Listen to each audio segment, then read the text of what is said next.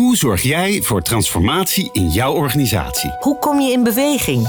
Hou je koers of stuur je bij?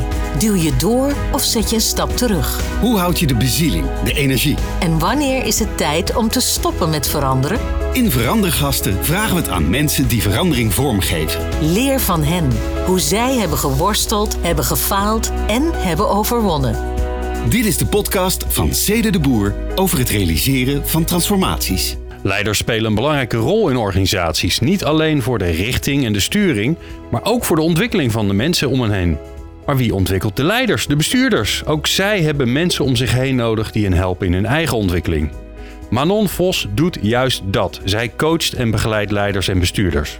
Hoe doet ze dat? En waar loopt ze eigenlijk zelf tegenaan?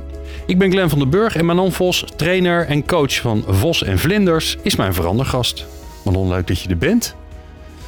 Ehm, ja, het is een. ehm, ehm, eh, leiderschap is natuurlijk een prachtig onderwerp.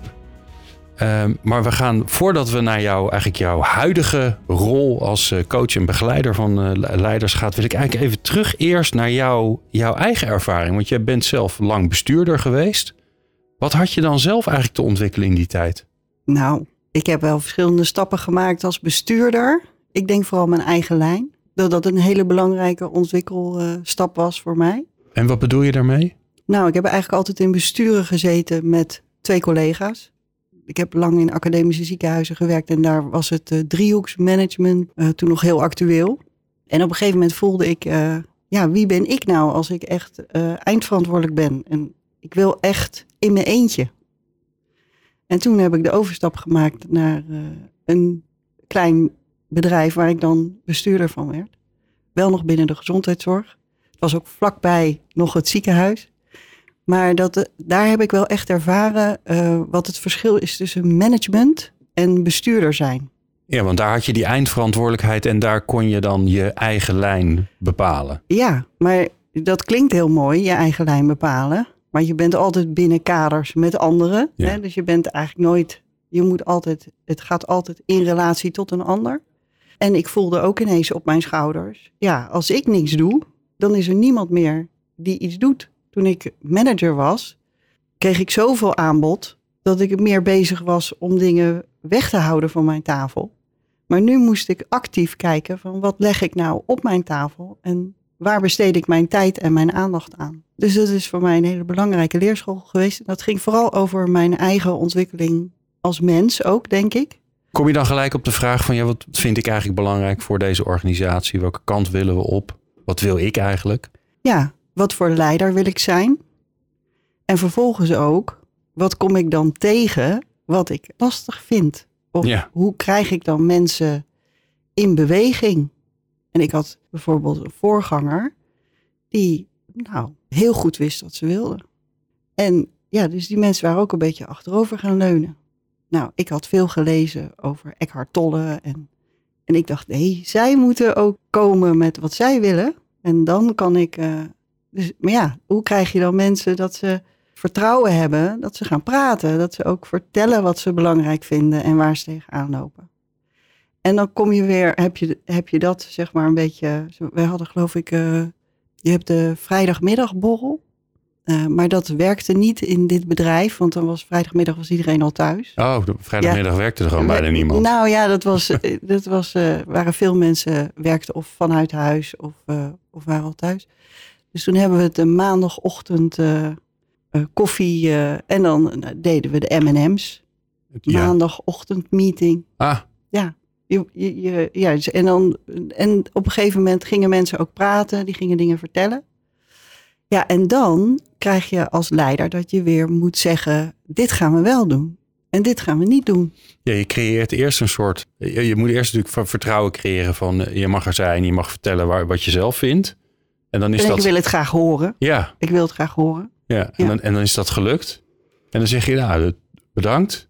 Maar wat jij net zei, daar gaan we niks mee doen. Nou ja, en dan moet je dus heel goed kijken van hoe hou je mensen gemotiveerd. Ja.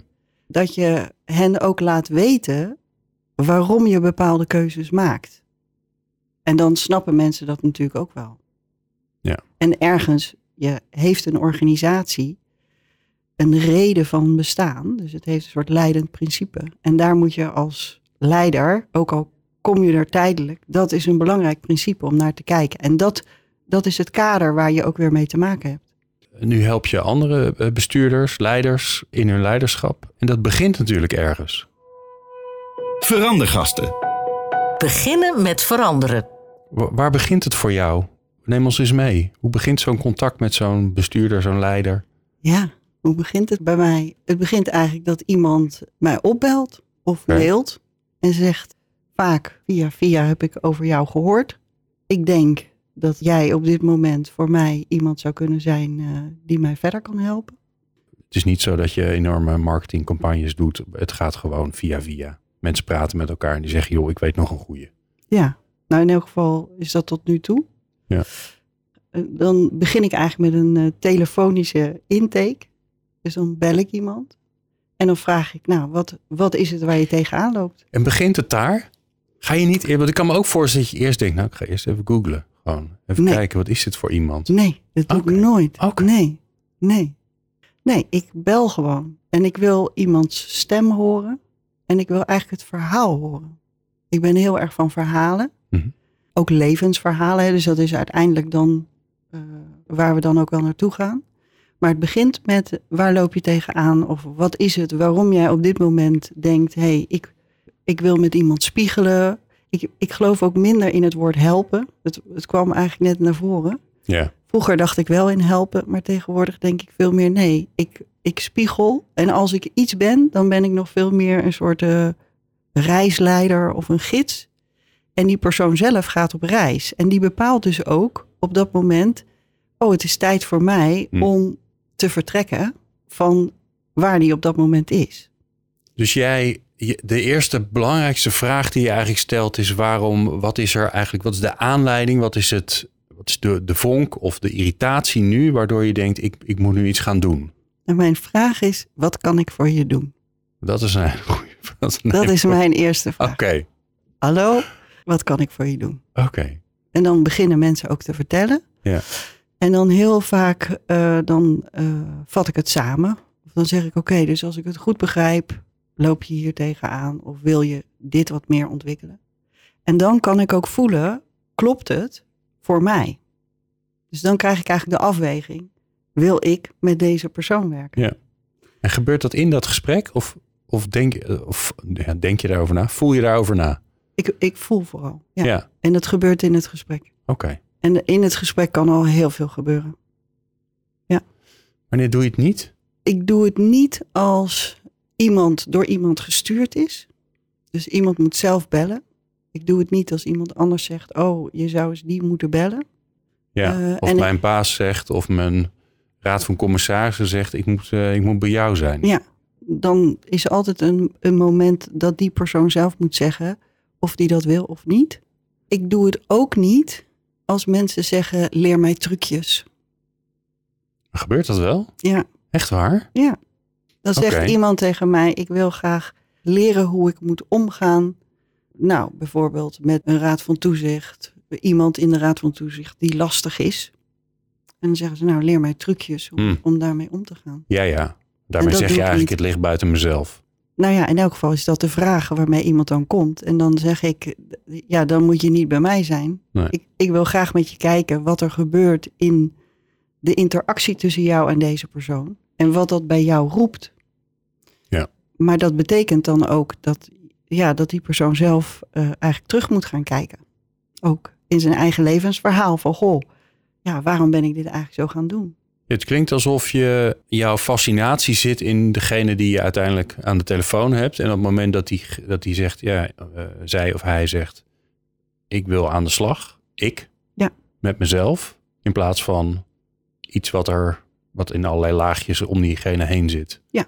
Dus als die een vaardigheid wil he- wil hebben, dan, Moet je niet bij mij zijn? dan heeft dat niet zoveel zin. Nee. nee. nee. Hey, de vraag die we aan iedereen stellen, Welk instrument ben jij? Ja, nou, wat stel je je voor in je hoofd als je, aan de, als je, als je deze vraag moet beantwoorden? Ik, ik, ik probeer altijd mensen erbij te helpen, maar ik ben wel benieuwd hoe jij, wat jij voor je ziet. Het is wel grappig, want eh, ik zie eigenlijk gelijk een eh, plein voor me waar een fanfare speelt. In dit geval... eh, Is dat ook je favoriete muziek? Of niet? Nee, helemaal Nee. niet. Nee, helemaal niet. Maar ik was toevallig eh, met een vriendin eh, uit eten. En wij liepen op zo'n prachtige zomerse avond naar buiten. En toen was dus Van Varen aan het oefenen. Die deden dat overigens heel mooi. Ook met dansjes en zo. Oh, Toen vroeg mijn vriendin, nee, vroeg mijn vriendin aan mij van, goh, welk instrument zou jij nou eigenlijk willen zijn? En toen wist ik het meteen, de trommel. De trommel. Ja. Oké. En dat heeft iets mee te maken dat er zit een enorm ritme in. Dus ik hou van het ritme. Als je dan kijkt naar de fanfare, dan welk instrument bespeeld wordt ook. Ze gaan allemaal in dat ritme. Dus die benen gaan in dat ritme.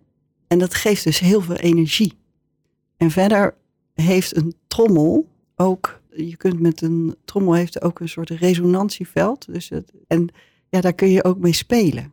Ja, dat, ligt eraan waar je slaat op de trommel. ja, hè, dus dat, eh, ja, nou ja. En eh, dat vind ik gewoon heerlijk. Eh, ik kan het overigens niet. Ik heb het eigenlijk nog nooit gedaan, realiseer ik me. Maar dat, ik zei wel gelijk zonder aarzeling, ik zou de trommel... Wat zegt dat over jou als je dat vertaalt naar hoe, jij, hoe jij je werk doet, hoe jij anderen spiegelt? Ik wil alweer helpen zeggen. ja, dat zit ja, zo in mijn hoofd. hè? Ja, ja, spiegel- mijn spiegel is toch een mooie, ja, mooie zeker. term. Ja. Nou, eh, volgens mij wat het wel tegen mij zegt is, of of wat het over mij zegt, is dat ik hou van de energie. Dus ik hou van vitaliteit en ergens ook volle leven nemen. En ik hou ook van het ritme. En ons leven heeft een ritme. ja, want leg dat eens toe. Nou, als ik tegen jou zeg, een baby die geboren wordt, die is helemaal afhankelijk van zijn omgeving.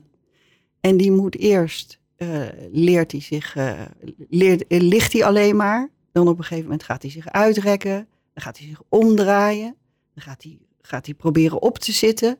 Hij gaat proberen, op, hij gaat proberen te kruipen. Hij gaat kruipen. Hij gaat zich proberen op te richten. Dus hij gaat staan. Nou, dat is een bepaald ritme waarin hij dat doet. En sommige baby's doen het al eerder, anderen doen het later. Hè? Dus het is, maar ieder heeft een eigen ritme. Ik denk nou ineens, daar is een liedje over geschreven. ja. Ja, alles heeft Sissel. Ja, alles heeft ritme. Alles heeft Blote ritme. voeten. Ja, Ja. ja. daar sta ik dan. Ja, ja, het ook, ja, je hebt ook je schoenen uitgedaan. Dat is lekker, hè? Ja. Ja. Oké, oké. En, Maar- eh, en, en hoe help je, of, eh, wat, wat, wat is dat dan voor jezelf als instrument in je werk? Is dat dan ook belangrijk? Zit er, een, zit er een soort, ook een soort ritme in hoe je met, met mensen aan de slag gaat? Hoe je ze meeneemt, hoe je gesprekken doet? Denk wel dat, er, eh, dat daar een soort van ritme in zit. Ik denk dat eh, een periode van een maand ongeveer, dat is een mooi. eh, dan, dan heb je namelijk tijd om te reflecteren. Je hebt ook tijd om te oefenen. Dus meestal doe ik één keer per maand. Soms hebben mensen ja, iets meegemaakt waardoor ze zeggen, nou, we hebben vaker nodig. Maar één keer in de maand is wel fijn. Dat geldt ook voor trainingen. Ik denk dat het heel belangrijk is dat ik vol aanwezig ben. Dus dat betekent dat ik mijn eigen ritme goed moet volgen. En dat ik eh, moet zorgen dat ik ook weer eh, vol aanwezig kan zijn. Hè? Dus dat eh, Ja. vraagt ook iets. Hoe ziet dat eruit? Wanneer ben jij vol, aan- vol aanwezig? Waar merk ik dat aan? Nou, ik denk eigenlijk wel zoals wij nu praten. Dat ik vol bij jou ben en dat we aandacht hebben. We zijn gewoon in gesprek. En het is nu niet zo relevant wat daar gebeurt. Hè? de- wat, de weg, wat, wat op de weg langskomt, daar kijk ik niet naar. Nee. Nee, ik ben vol bij jou en ons gesprek. Als ik mensen begeleid, dan ben ik eigenlijk mijn eigen instrument. Dus ik, ik adem de vragen in, ik, vraag, ik adem de antwoorden in. En ik voel vooral wat het met mij doet als iemand zo reageert. Dus je bent ook, je bent een soort, eh, nou we staan nu voor een microfoon. Alles wat er gebeurt, komt bij jou binnen en er gebeurt dan bij jou iets. Wat wij natuurlijk vaak proberen te doen, is dingen rationaliseren, want dan kan je erover praten. En wat Ja. ik merk in de, in de taal die je gebruikt, is dat het heel veel, moet je dat zeggen, ja, ontastbare dingen zijn. Dus je kunt niet zeggen, ja, dit is wat ik precies doe, want er gebeurt gewoon veel binnen in jou. Ja, nou, ik denk wel dat er een aantal elementen zijn. Er zijn een soort uitgangspunten waarmee ik werk. En adem is voor mij heel belangrijk. Dus dat je vol je adem neemt. Nou, dat helpt al bij aanwezig zijn. Vol in je lijf aanwezig zijn. Dat helpt ook al. En ik, zou zeggen, ik, ben een soort klankkast. ik resoneer zelf Ja. mee, maar het is zeker niet zo dat ik alleen maar daarvan uitga, want ik heb ook nog mijn eigen, ja, eh, eh, ik geef ook leiding aan het gesprek dan op zo'n moment. Dus ik doe het allebei. Hm. Ik- en ik bepaal eh, van eh, wat de vragen zijn of waar ik op doorga. En tegelijkertijd voel ik de antwoorden. En dan kan ik vaak met hele kleine interventies eh, ehm, al ja, bereiken dat mensen dichter bij hun gevoel komen. Want dat is denk ik wel waar wat jij zegt. We leven in een wereld waar veel gerationaliseerd wordt. En er is een heel mooi gedichtje dat, met de titel In je hoofd kun je alles. Nou, ik zal niet dat het hele gedichtje doen, maar dan ergens staat er afscheid nemen zonder tranen, alles gaat vanzelf. Nou, voor mij is dat echt een soort, in ons hoofd kunnen we van alles bedenken. En dat lijf, dat, dat weet alles nog. En ja, op het moment dat het erop aankomt, dan geeft het lijf het antwoord. Hm. En het hoofd, het lijf is zoveel sneller. Dus ik ga ook veel meer uit van de signalen die mensen. Dus de, de, dat is ook zo mooi. Communicatie is natuurlijk eigenlijk maar voor een heel klein deel verbaal. Het gro- overgrote deel is non-verbaal. En eh, ehm, mimiek. Hm. En eh, ja. En nou kan ik me voorstellen dat de mensen die bij jou komen, dat die ook een beetje hulp nodig hebben om in dat moment er helemaal te zijn. Hè? Want voor jou is dat, ja, dat is een practice geworden. Je hebt misschien een, ritueel of zo om te zorgen dat je even, dat je landt. Nou ja, hier ook, je komt binnen, eh, je doet je, schoenen uit. Dat doe je niet voor niks. Blijkbaar is dat iets wat je helpt om, eh, om te focussen, om hier te zijn, om je aandacht erbij te houden. Ik kan me voorstellen dat de mensen die bij jou komen, dat die dat nog niet hebben. Of sterker nog, dat die daar los van zijn gekomen. Dus hoe kan je ze daar dan bij helpen? Nou, het eerste volgens mij is dat eh, wij mensen, of tenminste ik, laat ik het bij mezelf houden. Ik ben in en uit contact. Dus het is een illusie dat ik altijd vol aanwezig ben. Dat, dat gaat helemaal niet. Nee. En, en ergens is dat ook een fijne gedachte. Dus ik leer, een belangrijk uitgangspunt van mij is dat mensen niks hoeven afleren. Ik leer ze erbij. Ja. Dus als jij weggaat, dus als je met je aandacht weggaat, dan ben ik geïnteresseerd waar je naartoe gaat. En vervolgens leer ik je eigenlijk om weer terug te komen. En als je weet hoe je terug kunt komen, kun je dus gaan en weer terugkomen. Dat is Hm. eigenlijk hoe het werkt. Hm. En ik denk een belangrijk deel van mijn werk is ook dat ik mensen anders leer kijken. Want uiteindelijk, wij mensen maken alles mee. We maken van alles mee. Ons overkomt ook behoorlijk wat Ja. gedurende het leven. Ja, gemiddeld gezien heeft iedereen evenveel ellende. Nou ja, en plezier. Allebei. Ja. Allebei. Ja. Eh, en eh, het gaat veel meer om de betekenis die jij daaraan geeft. En wij geven zelf betekenis daaraan. Dus ja, ik help eigenlijk, nou ja, gaan we weer. Ik spiegel mensen. En eh, dan geef ik eigenlijk ook, ja, ik herkader misschien wel soms. Dan zeg ik, goh, ja, jij zegt dat nou zo. Nou, als ik dat voel, dan, dan denk ik echt, oh jeetje. Mag ik een voorbeeld geven? Ja, zeker. Graag. Dit is een, ik- kijk, ik werk met persoonlijke levensverhalen van mensen. Hè? Dus dat is ook heel intiem op een bepaalde manier en dichtbij. Dat is ook wel in zo'n podcast. Ja, geef je het aan de wereld. Maar ik hou er toch van om eh, mijn eigen verhaal te vertellen. Toen ik jong was, is mij een en ander overkomen. En toen ik twintig was, ik denk wel echt een soort van moment van er is een voor en er is een na. Was het moment dat mijn broer eh, besloot om uit het leven te stappen. Nou, dan, dan kom je natuurlijk, dat is afschuwelijk. En ehm, daar heb ik heel veel van gezien, ook wat dat, wat dat doet met, ja, nou ja, ik was zelf natuurlijk eh, eh, degene ook die het meemaakte, maar ook Ja, je ouders eh, natuurlijk. Mijn, nou, mijn vader was al overleden, die was kort daarvoor overleden. Maar mijn, mijn moeder wel. Hè? Dus, en, en hoe ga je dan daarmee om? Hè? En nou, ik denk dat ik ongeveer 15 jaar later, ik kan me dat echt nog herinneren, dat ik dacht, nou, dit is zoveel, hier kan ik niks mee. Ik doe het in een laadje. Ik heb het zo in een laadje gedaan. En ik denk dat ik 15 jaar later, toen ik op een gegeven moment ja, zelf in een scheiding kwam en ja, gewoon ook wel voelde, ik moet iets. Toen ben ik naar iemand toe gegaan. En die heeft mij geleerd om in mijn lijf te komen. Hm.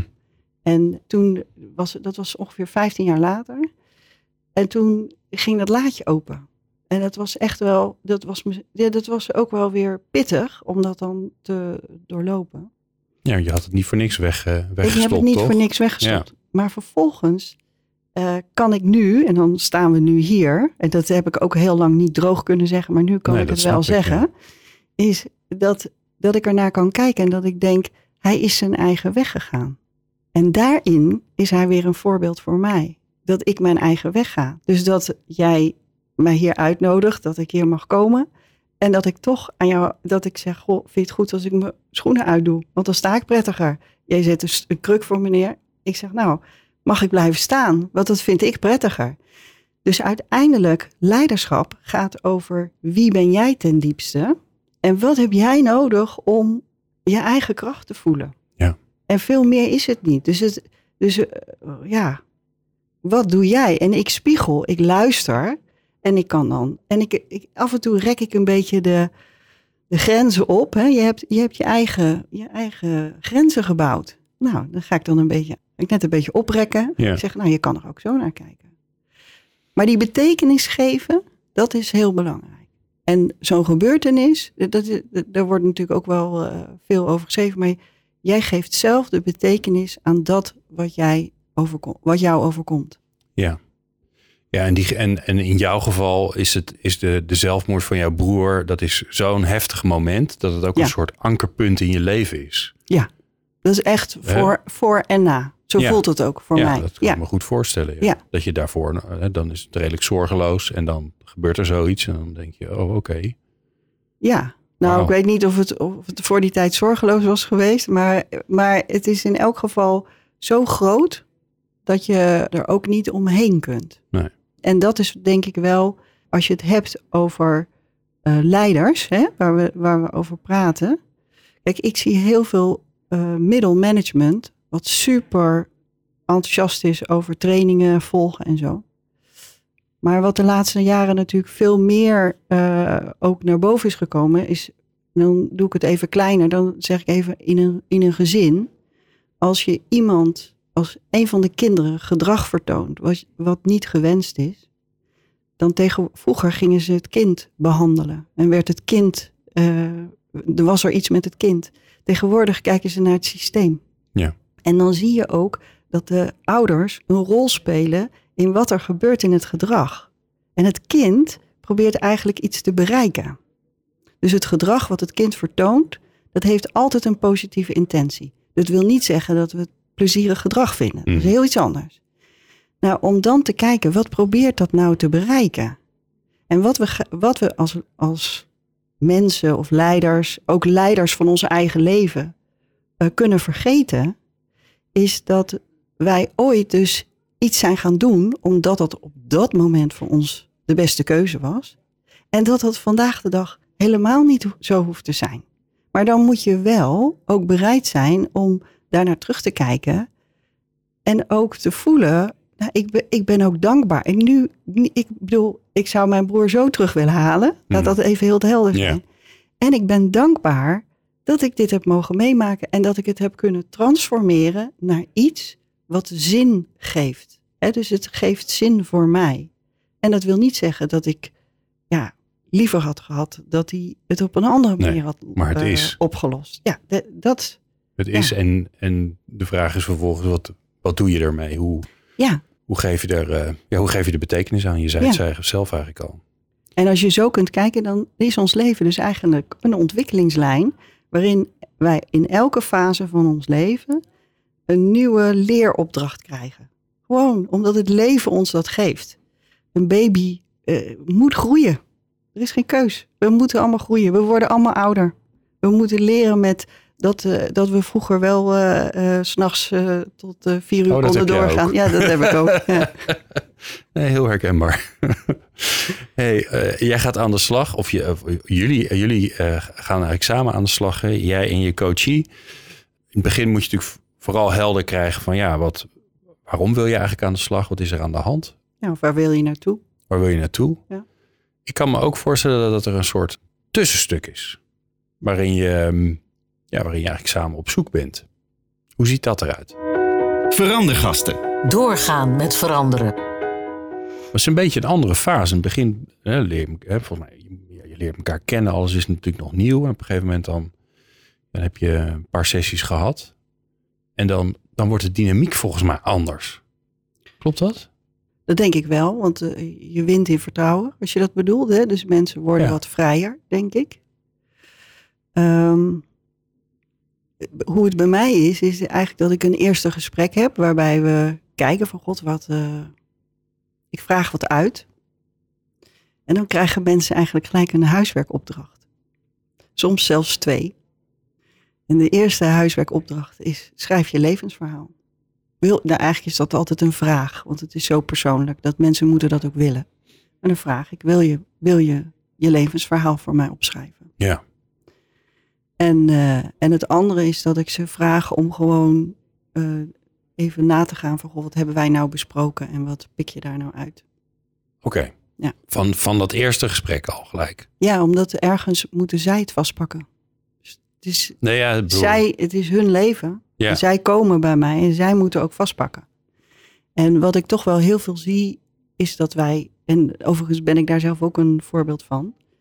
Ik ben ergens opgehouden om hulp te vragen of om eh, vast te pakken.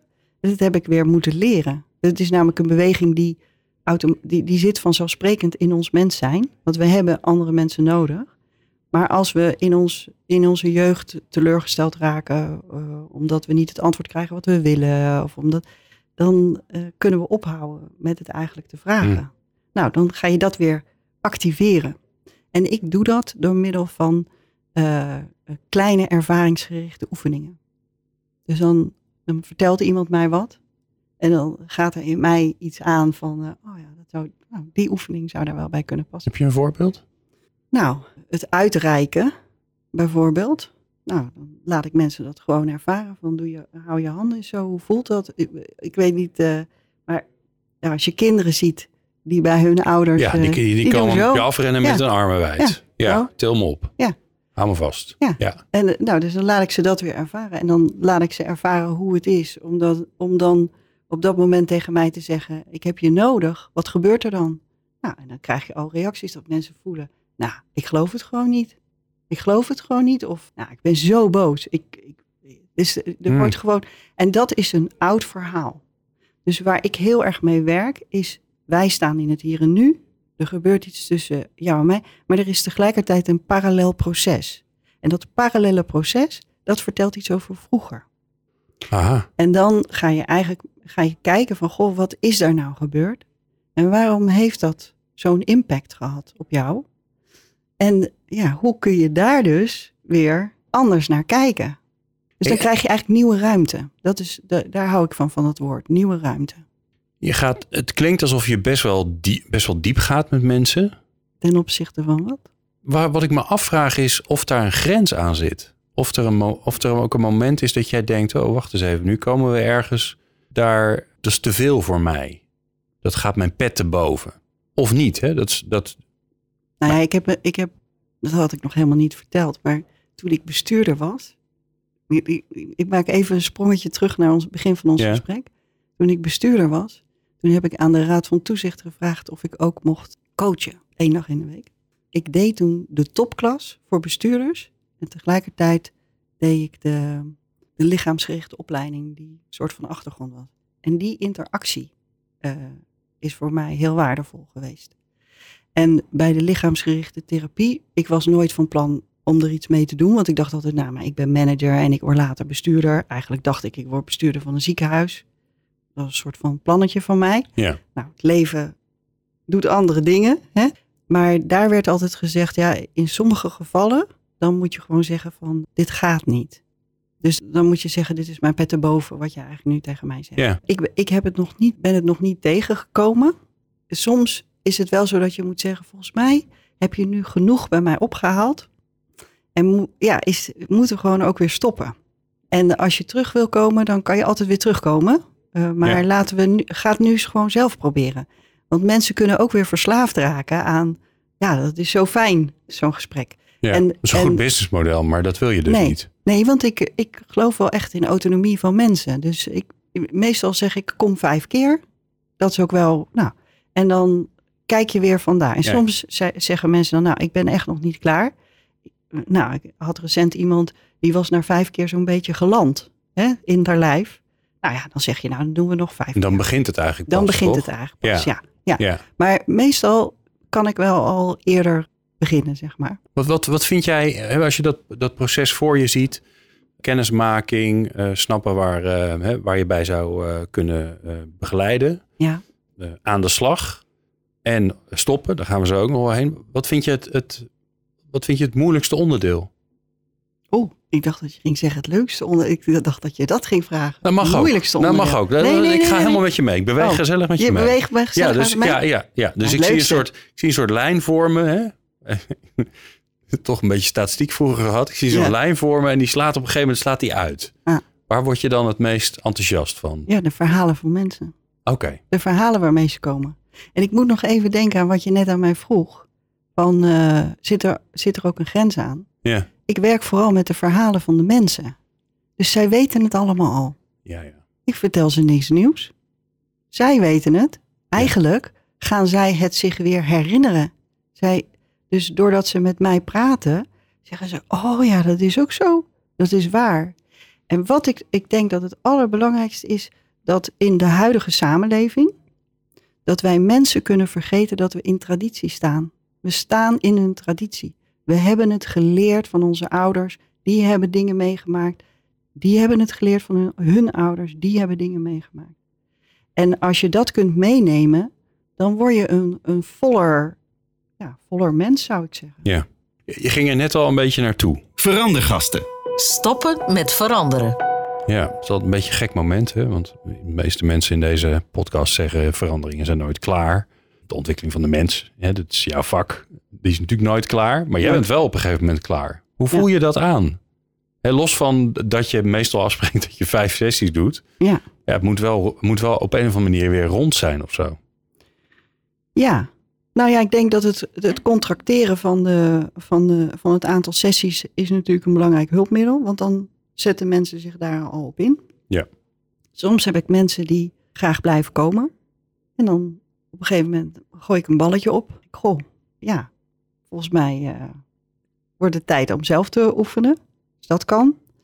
kan zijn dat mensen zelf zeggen, nou, al na drie sessies, dat ze zeggen, nou, ik, ik kan weer vooruit. Ik, eh, en wat ook nog wel eens gebeurt, is dat mensen dan weer weggaan. En dan, eh, nou ja, een paar jaar later, dan bellen ze weer op en dan zeggen ze, mag ik weer even een paar keer komen? Hm. Want er is even iets en daar wil ik naar Ja, kijken. ja. Maar dus, het is dus altijd iets. Je doet niet aan een soort periodiek onderhoud. Je zegt, joh, kom gewoon één keer per jaar of twee keer per jaar langs.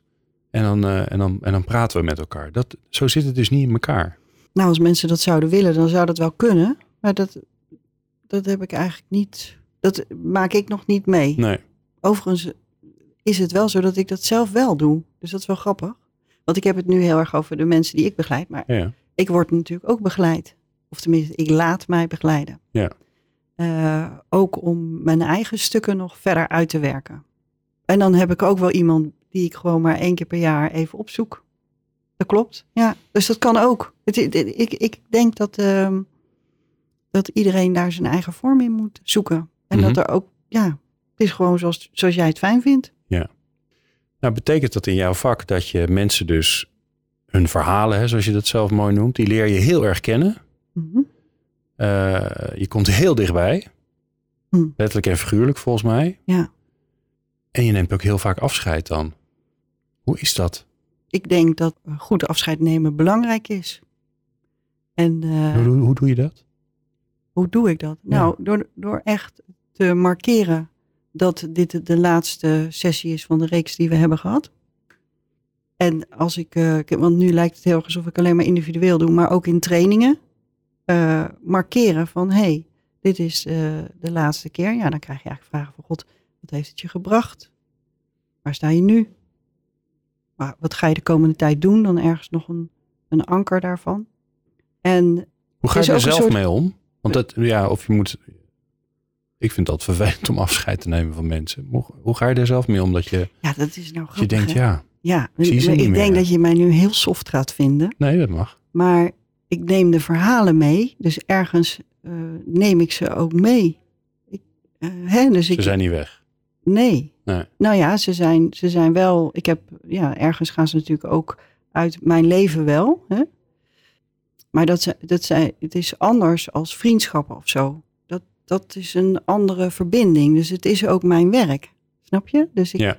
Ik neem ook afscheid. Dus het is ook, ik, heb, ik ben wel heel eh, betrokken. En tegelijkertijd heb ik een soort van professionele distantie. Ook. Zijn er wel eens mensen die dat verwarren? Die denken, ja, we zijn een soort, eh, soort vrienden geworden. Ik vertel jou dingen die niemand anders weet. Nou, de- ik denk wel dat het voorkomt, ja. Dat dat kan gebeuren. En dat, dat je daar ook eh, zelf heel zorgvuldig mee moet zijn. Ja. Ja.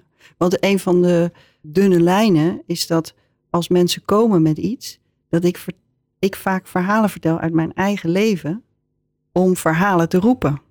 Ja, En eh, ja dat, is natuurlijk, dat, dat hoor je vaak zeggen als het gaat over leiderschap. Hè. Je moet je kwetsbaar opstellen. ja, dat Da- is iets- dan lijkt het een beetje een trucje. Hè? Maar Nee. kijk, in, in de basis zit daar ongetwijfeld achter dat als je jezelf laat zien en je laat zien dat je een mens bent met, nou, met ook eh beurzenplekken en ellende en, eh, en, en feesten en partijen en alles wat erbij komt, Ja. dat anderen dat ook gaan doen. Ja, Dus een soort van vertrouwenwekkend iets. Nou, ik zou het anders willen zeggen. Ik zou zeggen, verhalen roepen verhalen. Dus op het moment dat ik jou een verhaal vertel, dan reis jij van binnen. Hm. Ik weet niet, kan, je daar, kan jij daar nu op reflecteren of niet? Ik vertelde jou net iets over mijn broer. Ja, Waar- Kan je vertellen, reisde jij ergens naartoe? Naar iemand? ja zeker. Ja, ja, ja, zeker. Ja, ja, vader van een eh, van teamgenootje van mijn dochter, waar ik de coach van was, heeft zelfmoord gepleegd. Dus daar Ja. moest ik gelijk over nadenken. Ja, nou, Ja. dus dit is het principe. Verhalen roepen verhalen. Ja. En, dan, en, en dat is ook eh, waarmee, waarmee ik dan werk. En dat vraagt wel dat ik het altijd, ja, dat, dat is een dunne lijn. Want het moet natuurlijk wel ten dienste zijn van die persoon. Dus ik moet heel goed kunnen afgrenzen. Maar nog mijn laatste vraag aan jou, en die stellen we aan iedereen. Wat zou je andere veranderaars mee willen geven? Hm, Die luisteren hiernaar. Die Oh, vinden ja. dit een mooi onderwerp. Hebben naar jou geluisterd. Ja. Wat ik ze zou mee willen geven, is om te kijken naar alle lagen van de organisatie. Dus als je een veranderd traject inzet, dan moet dat beginnen aan de top. En ergens moet de top ook mee. En vervolgens het middelmanagement en het lagere management. En vaak wordt er wel gekeken naar het middelmanagement en het lagere management, maar kan de top ook nog wat buiten schot blijven. Maar die moeten eigenlijk zelf voorgaan in wat zij willen. Mhm. Dus dat voorbeeldgedrag, dat is zo belangrijk. En mensen luisteren niet naar wat je zegt, maar ze kijken naar wat je doet. Is zo mooi, daar moeten we stoppen. Dankjewel, Manon Vos van Vos en Vlinders. Op die website kun je ook meer vinden over Manon. Dankjewel voor het leuke gesprek. Dankjewel. Dank voor het luisteren naar Verandergasten, de podcast van Cede de Boer over het realiseren van transformaties. Je helpt ons enorm met 5 sterren, een like, follow of duimpje. Meer afleveringen vind je in jouw favoriete podcast-app. Vergeet je niet te abonneren als je niks wilt missen.